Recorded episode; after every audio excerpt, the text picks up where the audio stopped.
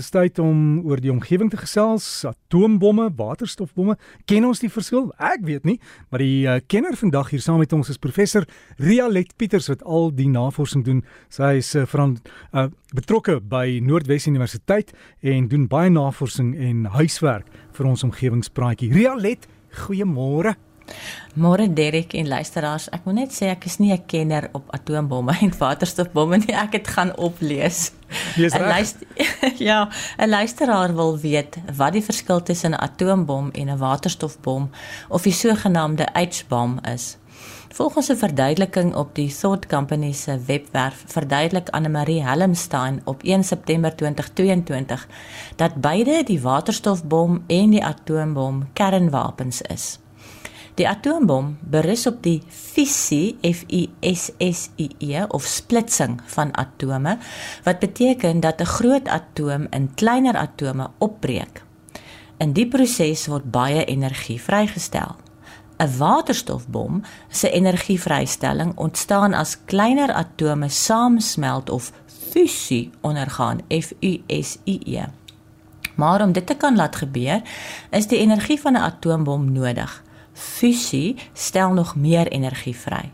En 'n atoombom kan gebruik word om 'n waterstofbom af te sit of soos die Engelsman sou sê, te trigger. Voorbeelde van materiale wat in atoombomme gebruik word is verrykte uran of plutonium en atoombomme kan die hoeveelheid energie uitstoot gelykstaande aan 1 tot 500 kiloton TNT. In die proses word ook radioaktiewe fisiefragmente vrygestel. Fusiebomme word gewoonlik gemaak deur die versmelting van twee ligter atome, soos die tritium en deuterium isotope van waterstof.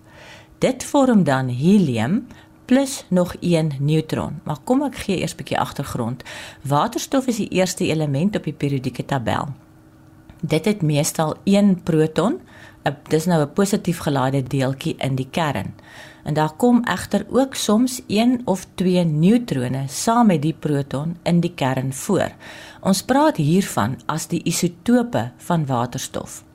Die aantal protone in 'n element se kern bepaal sy posisie op die periodieke tabel. So is koolstof die 6ste element omdat dit 6 protone bevat.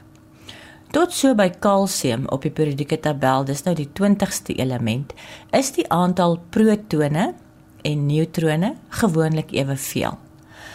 As daar meer neutrone as protone in die kern voorkom, noem ons dit isotope van die element. Terug by die waterstof voorbeeld van net nou. Wanneer waterstof 1 neutron het in plaas van die verwagte niks, is daar twee deeltjies in die kern. Dis nou die proton en dan nou hierdie neutron.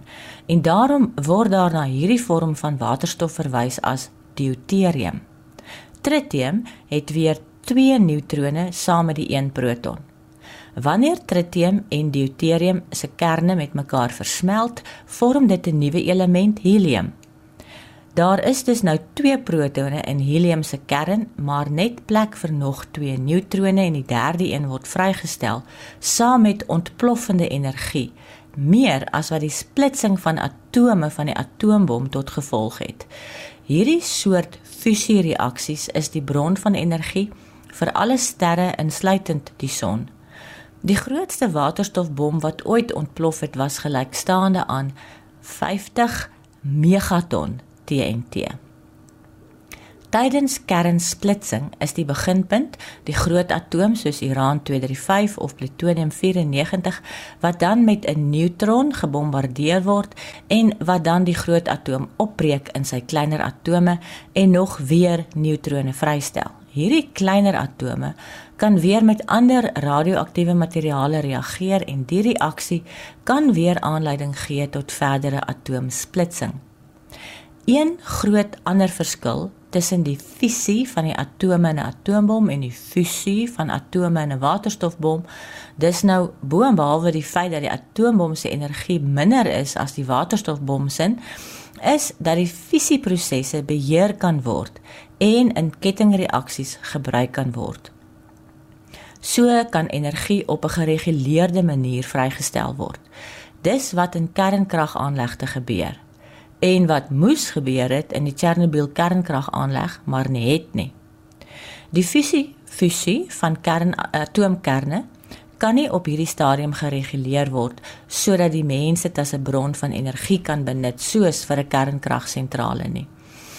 Om kerne so naby aan mekaar te kan laat kom dat hulle die afstotingskrag wat tussen hulle bestaan omdat hulle positief is te oorkom, is uiters hoë temperature nodig. Temperature gelykstaande aan die wat heers in die binnekant van die son.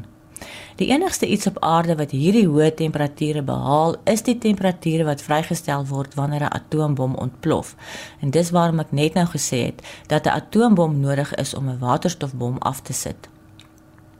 Alhoewel die fusie van die waterstofisotope self nie eintlik aanleiding gee tot radioaktiewe afval nie, is daar tog wel omtrent net soveel radioaktiewe afval met 'n waterstofbom uh, as atoombom geassosieer omdat 'n atoombom nodig is wat weer aanleiding gee tot verdere splitsing van die atome.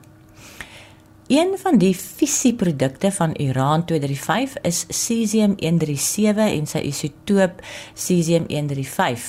En dit bring my by die artikel wat in Environmental Science and Technology van Augustus hierdie jaar verskyn het en waarin Duitse navorsers rapporteer dat die vlakke van radioaktiwiteit in wilde varke van die Bavariese streek in Duitsland nog te hoog is en nie geskik vir menslike gebruik nie. Aanvanklik is aangeneem dat dit toe te skryf is aan die radioaktiewe uitval toe die kernreaktor van die Chernobyl kragstasie in Oekraïne in 1986 ontplof het. Maar ander diere se radioaktiwiteit het met verloop van tyd afgeneem. Die varkesin het dieselfde gebly of in sommige gevalle selfs toegeneem. Die verhouding van die cesium 135 tot 137 het aangedui dat die varke radioaktiwiteit het wat dateer uit die 1960s toe daar met baie kernwapens geëksperimenteer en getoets is.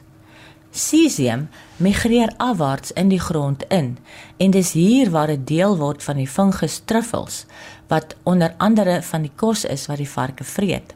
En die verhouding tussen die cesium 135 en 137 is hoër vir kernbomontploffings as vir wanneer 'n kernreaktor smelt. Ek het op omgewingspraatjies se Facebookblad foto's van hierdie wilde varke geplaas, gaan loer 'n bietjie.